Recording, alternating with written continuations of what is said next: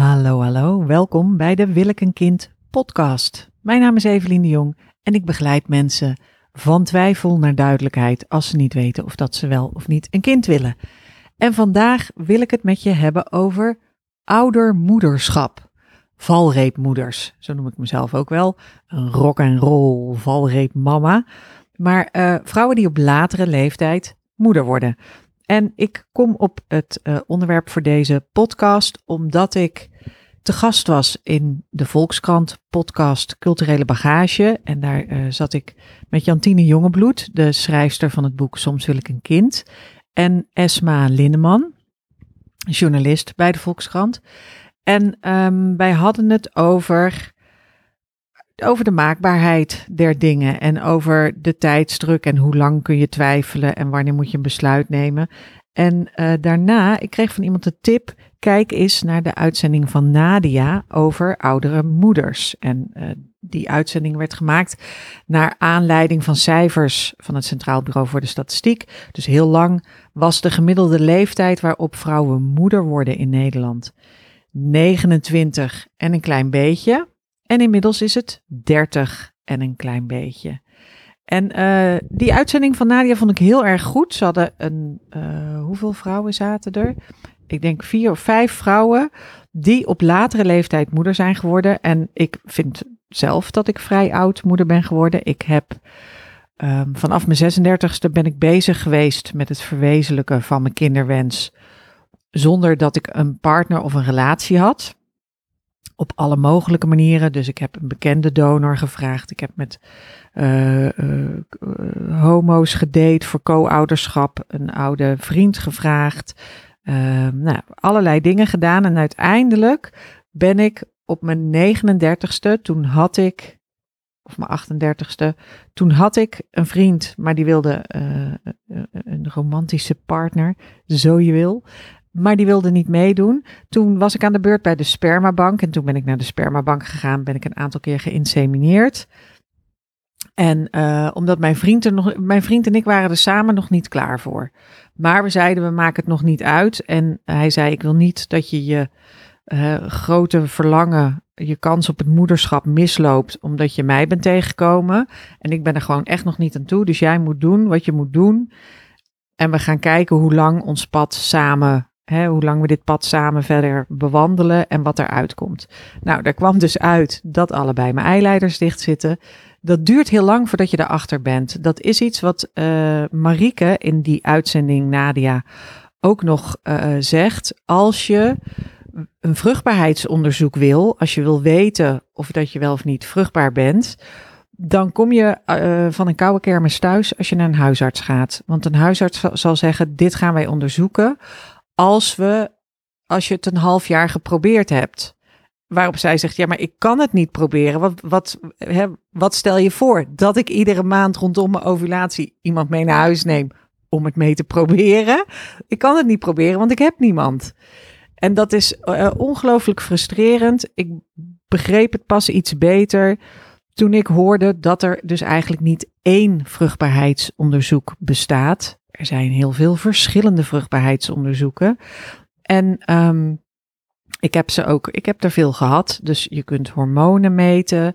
Ik heb ooit chlamydia gehad. luister hiervoor de podcast aflevering nummer 1. Jongensgek. Dat heb ik in mijn studententijd. Ik kan er nu om lachen, maar dat vond ik toen niet grappig. Um, opgeduikeld omdat ik nogal promiscu een promiscue studententijd heb gehad. Ik had het hier pas met iemand over en zei ik, weet je wat het woord betekent? Toen zei ze nee. Ik zei, nou, dan zoek het maar, maar op. Dus ik ga het ook niet uitleggen. Um, dus je kunt hormonen testen. Ze uh, testen uiteindelijk ook of dat je eileiders open zijn, of dat er verklevingen te zien zijn. Uh, ze kunnen dus testen of je ooit chlamydia hebt gehad. Je kunt onverklaarbaar onvruchtbaar zijn, je kunt verminderd vruchtbaar zijn. Er zijn zo, het is zo'n complex, fijn, delicaat systeem waar nog veel te weinig onderzoek naar gedaan is. Nou ja, de fertiliteitsindustrie zit er behoorlijk op, maar ik las ook ergens een berichtje dat er bijvoorbeeld, nou ja, miljoenen onderzoeken naar sperma zijn geweest en misschien dat er twee keer een onderzoek is gedaan naar menstruatiebloed. Omdat, uh, nou ja, de meeste onderzoekers waren man tot, tot dus toe. Dus is de geneeskunde daar niet helemaal op ingericht. Maar de geneeskunde is ook er niet op ingericht als je zit met die kinderwens en je wil weten wat je vruchtbaarheid is. En je bent halverwege de 30 en je gaat naar de huisarts, maar je hebt niemand om het mee te proberen, dan helpen ze je dus niet verder. Er was een tijdje een commerciële test, die uh, is uh, internationaal gegaan. En verder heb ik daar niet veel meer over gehoord. Dat was vroeger Grip Fertility. Maar ik weet dat die zijn overgenomen. En nu weet ik eigenlijk niet of dat je nog steeds. Dan kon je eigenlijk je hormonen laten meten. Dus een thuistest. En dan weet je dus wat je situatie is op dat moment. Dit alles, alles wat je test, zegt eigenlijk nog niks over of dat je wel of niet moeder kunt worden. Of dat je wel of niet vruchtbaar bent. Want uiteindelijk uh, kun je kom je daar alleen maar achter door het te doen. Toen ik dat hoorde, werd ik zo pissig. Dus ik hoop niet dat jij nu naar deze podcast zit te luisteren en denkt, non de Dieu. Hè, dan moet je wel uit Brabant komen, wil je non de Dieu uh, denken. Non de Dieu. Ja, het is dus lastig om te weten tot wanneer je nog vruchtbaar bent. En ik ging op mijn 39ste um, was ik dus aan de beurt bij de spermabank, kwam ik erachter dat het zomaar niet ging. En toen zeiden ze, in jouw geval, omdat allebei je eileiders dicht zitten, is het enige wat je kunt doen IVF. IVF is daarvoor gemaakt. IVF wordt ook gebruikt in vitro fertilisatie, wordt ook gebruikt voor andere uh, vruchtbaarheidsproblemen, omdat het een hoop dingen omzeilt. Wat ze doen bij IVF is, jij spuit hormonen, daardoor rijpen er uh, eicellen in follicels. Dat zijn de zakjes waar ze in hangen aan je eierstokken. En als die goed rijp zijn, als, de, als die eicellen groot genoeg gegroeid zijn, dan prikken ze die aan. Uh, eigenlijk dus steken ze uh, uh, in je buik met een naald en halen ze de eicellen uit je eierstokken. En die eicellen die halen ze uit je eierstokken en die kunnen ze dan gewoon via je vagina in je baarmoeder stoppen. Dus dan omzeil je de hele weg van de eierstok, eiersprong, uh, door de, uh, hoe noem je dat? Die haarvaten. Uh, eileiders. Nou, ik kwam niet op het woord. Fallopium tubes. kon alleen maar het Engelse woord bedenken. Uh, maar je, eh, je eileiders, dat omzeil je allemaal. En in mijn geval hebben we ICSI gedaan. Dus dan zorg je ook nog dat de eicel bevrucht is voordat je hem terugplaatst. En dan kan het alleen nog misgaan bij de innesteling. Wat hè, eh, bij miskramen ben je al helemaal in de baarmoeder is er al een zwangerschap. Maar um, is dan die innesteling niet goed of gaat daar iets mis? Nou, er zijn oneindig veel redenen waarom het niet kan lukken. Het is lastig om dat te testen. De grote kritiek op die grip fertility test was dat het alleen maar een momentopname is. Dus als je vandaag je hormonen meet, zegt dat niks over de kwaliteit en de gesteldheid van je hormonen morgen of over een week. En kan het zo snel gaan? Dat weet ik niet helemaal zeker, maar het zegt dus niets over je eerstvolgende ovulatie. Uiteindelijk ben ik op mijn veertigste uh, ik vroeg toen mijn lieve vriend, hè, wil je dan nu wel meedoen met IVF? En dat moest ik ook weten, omdat ik anders alleen geholpen kon worden bij het AMC en niet uh, bij uh, de VU. En nu zijn ze gefuseerd, dus nu gaat het helemaal niet meer op. Maar als alleenstaande vrouw werd je niet bij de VU geholpen. En um, hij zei ja, vooruit dan. Ik wil wel meedoen. En toen hebben we dus uiteindelijk ik zie gedaan en ben ik drie maanden voordat ik 41 werd bevallen van mijn dochter. En ik vind mezelf dus al een oude moeder. 40, op je 40ste moeder worden, dat is niet heel jong. Hier in Amsterdam valt het niet heel erg op. Als ik, ik loop net de avondvierdaagse, de blaren op mijn, op mijn voeten. Uh, ik loop net de avondvierdaagse en ik zie andere ouders. En er zitten meer oudere moeders bij of oudere ouders bij. En dat is ook um, enigszins logisch.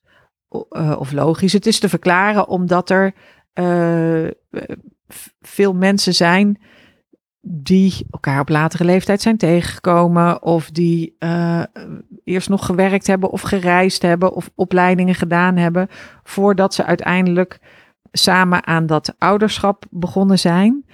En dus ik ben niet, ik denk dat ik niet de oudste moeder ben in de klas, maar ik, ik ben wel een van de oudere moeders. Dus de gemiddelde leeftijd is 30. Ik ben 40. In die uitzending bij Nadia, want jullie denken, komt ze daar nog terug naartoe bij die oudere moeders? Ja, het is dus lastig om je vruchtbaarheid te testen. Bij Nadia lieten ze een grafiek zien die ik uh, in mijn masterclass, als je hier zorgen over maakt, volg vooral mijn gratis masterclass. Je kunt op de website vinden uh, wanneer die weer is. Die geef ik met enige regelmaat ze lieten een grafiek zien en dat is een vruchtbaarheidsgrafiek op leeftijd. En de kritiek van alle vrouwen die daar zaten, die dus oudere moeders waren. Ik zal even zeggen hoe oud ze waren. Er was eentje op de vijftigste moeder geworden. Ik geloof één of twee waren op hun vijftigste moeder geworden. 45ste moeder geworden. Um, dus dit zit eigenlijk allemaal in de 40, 45 range. Dus uh, dat is nog een tandje ouder dan ik. Er was ook uh, heel prettig een hoogleraar ethiek. Die zei: Is dit moreel verantwoord? Nou, hij zegt: Er zijn eigenlijk drie soorten van kritiek op zo oud moeder worden. Eerst terug naar die vruchtbaarheidsgrafiek, want anders raken jullie draad kwijt. De vruchtbaarheidsgrafiek die ze laten zien zijn, is het percentage kans dat je per ovulatie hebt. En die kans per ovulatie is heel klein. Ik heb een andere grafiek die ik gebruik, die ik niet zelf verzonnen heb. Dat zou erg zijn. Maar die um, uit de Human Reproduction, een, soort The Lancet-achtig uh, wetenschappelijk tijdschrift komt. En daar zeggen ze de kans dat je moeder wordt van een levend geboren kind uh, op een bepaalde leeftijd is zo groot. En dat zag je ook aan deze vrouwen, mits je het dus maar blijft proberen. En uh, er komt een moment waarop je moet kiezen: ik geef het op of ik ga door met, met dit verlangen te proberen te vervullen. En de grafiek die zij lieten zien is een hele deprimerende grafiek, want het is de grafiek waarin ze zeggen: dit is je kans per ovulatie en die is altijd maar klein. Dus hij is maximaal 25 procent. voor als je zelf nog een tiener bent, dus dat is helemaal niet handig. Sociaal-economisch is dat niet handig. En daarna worden de kansen kleiner. En dan op een gegeven moment is het 5%. Nou ja, toen ik die grafiek zat, heb ik zitten brullen. Mag je best van me weten, als je die grafiek ziet. Nou, dat is janken. Dat, dat, je schrikt je helemaal de blubber. Daarom is die andere grafiek veel prettiger. En dat betekent dat, uh, uh, dat je voelt in de paniek. Oh, ik wil dit zo graag. En ik wil hiervoor, ik wil, ik geef mijn arm en mijn been als dit maar lukt. En je voelt dan dus ook als je die grafiek ziet, dan zie je van, oh ja, als ik tot het uiterste, uiterste, uiterste ga, dan bestaat er een kans dat het alsnog lukt. Um, en, en die grafiek met die kansen per ovulatie op leeftijd is volgens mij ook enigszins gedateerd. Heb ik ooit iets over gehoord, maar dit kan ik niet helemaal hard maken. Maar dat is dus niet de enige manier om ernaar te kijken. Je hoeft niet alleen percentage kans per ovulatie uh, te berekenen. Je kunt ook kijken naar, stel nou dat ik het echt heel graag wil, wat zijn dan mijn kansen per leeftijd? Dat is de grafiek die ik gebruik. Motiveert ook meer als je rondom de 40 bent en hiermee wil beginnen. Desalniettemin zeiden alle vrouwen die daar zaten, maak op tijd bewust een keuze. Er zat een dame in het publiek bij Nadia, die was 31 en die zei, ik voel die tijdsdruk, maar ik ben er nog niet aan toe. Waarop uh, vier van de vijf vrouwen vier van de vijf vrouwen zei. Uh, doe het gewoon en begin op tijd. En uh, zorg dat je gewoon, hè, twijfel niet, ga ervoor. En uh, Marieke, die van de documentaire Ei voor Later is, zij zei: Nee, maak bewust een keuze. Het is niet handig om aan een kind te beginnen als je er nog niet klaar voor bent. Hè, want het is heel onhandig om een kind te hebben en dan te denken: ik wil nog deze opleiding afmaken, of ik wil nog dit werk doen, of ik moet mantelzorg voor mijn ouders verlenen, of ik heb nog helemaal geen huis, of ik heb nog een trauma te verwerken. Er kunnen allerlei redenen zijn. Ik heb de juiste liefde nog niet gevonden en zonder liefde kan het niet. Um, maar, maar maak bewust een afweging. Nou, de, deze mevrouw was de gemiddelde leeftijd. Dus de gemiddelde leeftijd nu in Nederland is 30,4. Ehm, ik had het over die grafieken en ik had het over die drie ethische bezwaren. Die drie ethische bezwaren volgens die hoogleraar ethiek. Die hij zei, er zijn mensen die zeggen dat het niet natuurlijk is. Maar dat is niet echt een argument, omdat dat wat natuurlijk kan, is wat er gebeurt. Dus het is, je kan wel zeggen, ik vind het tegen natuurlijk dat je op je vijftigste vader of moeder wordt. Overigens is Robert de Nero op zijn 79ste. ik krijg het niet eens uitgesproken. Robert de Nero. Hij wordt niet eens aantrekkelijk oud. Laten we nou toch eerlijk. Dat zeggen ze wel eens, dat alle mannen, dat hij dan aantrekkelijk oud wordt. Maar dit is iemand van bijna 80, die dus nog opnieuw vader is geworden. Gefeliciteerd, Robert. Um, dat, dat is een argument dat het niet natuurlijk zou zijn. Hij zei, nou ja, het kan, het lukt en het is, uh, het verloopt volgens de natuur, dus het kan wel. Er wordt ook geknutseld, maar er wordt aan alles geknutseld. Um, dus dat argument wordt niet zo vaak meer gebruikt. Het andere argument uh, was dat je fysiek zelf de moeder het niet aan zou kunnen. Dus dat het zwaarder voor je is, fysiek, om zwanger te zijn en om een kind te krijgen. En om uh, uh, nou, de opvoeding. Hè, ik loop dus nu die avond vierdaagse. De opvoeding is ook best zwaar. En ik ben net verhuisd. En je kind optillen en dat soort dingen. Nou waren die, die vrouwen die er zaten, waren allemaal fit. Fit en sportief. Voelden zich jong. En dit kom ik ook vaak tegen. Zijn vrouwen die gezond eten, gezond leven, geen alcohol, niet roken. prima body mass index cijfer ben ik enigszins jaloers op. Maar um, dus de gezonde, als je, als je een gezonde vrouw bent, dan, dan kun je ook op latere leeftijd gewoon moeder worden. Wat ik wel merk, is nu zit ik in de overgang. En um, dit gebeurt net voordat mijn kind gaat puberen. Maar je krijgt dus ook dat je in de overgang komt en dat je kind in de puberteit zit. Dus dat hè, er kunnen ook die levensfases, daar denk je helemaal niet over na, maar die gebeuren wel gewoon. en dan kom je elkaar toch tegen uh, als je klein woont te Amsterdam.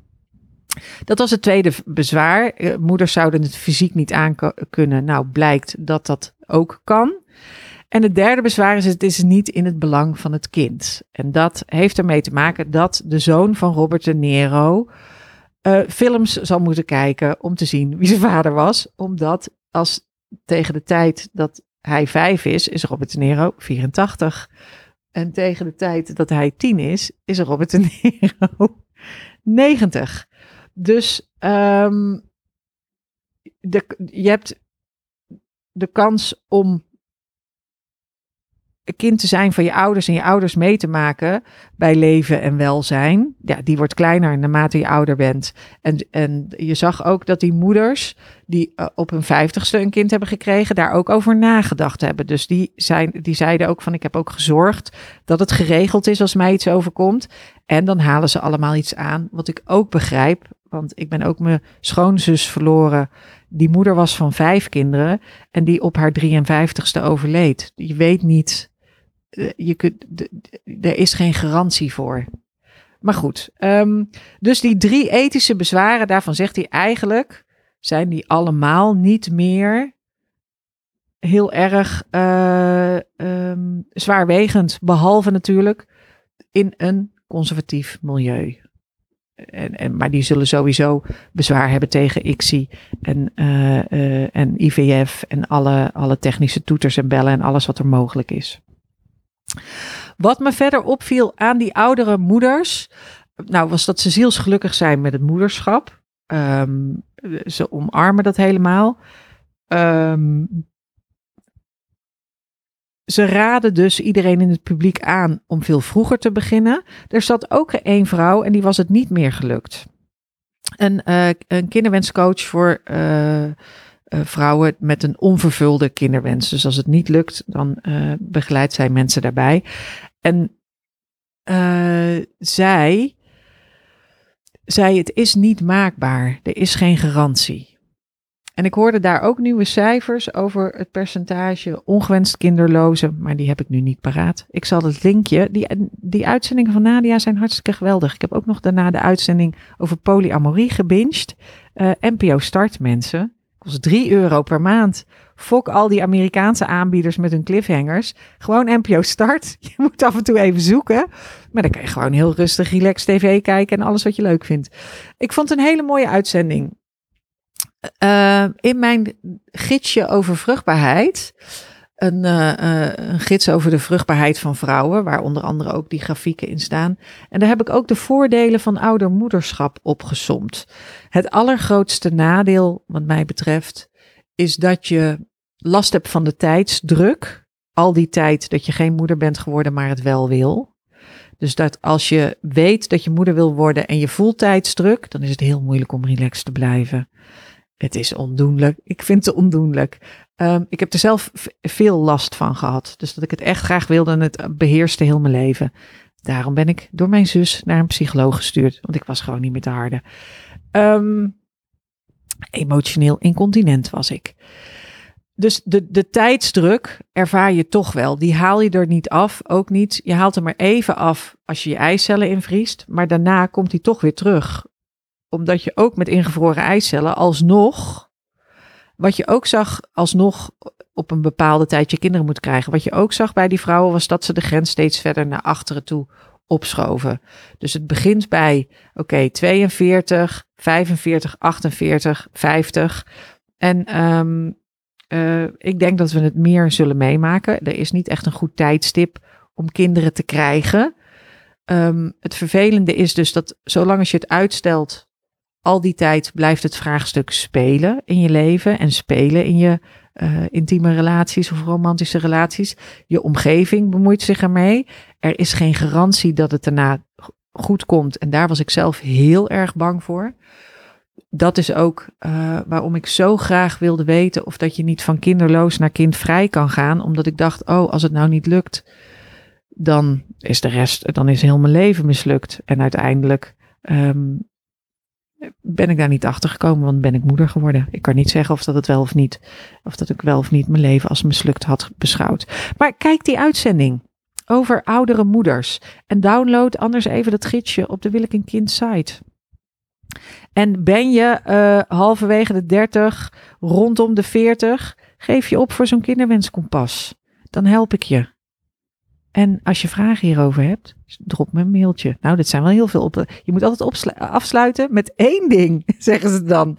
Met één ding. Oké, laat ik afsluiten met één ding. Kijk de uitzending van Nadia op NPO Start terug te zien. Voor maar 3 euro per maand, mensen. NPO Start. Kijk die uitzending terug over oudere moeders. En uh, uh, tot de volgende podcast.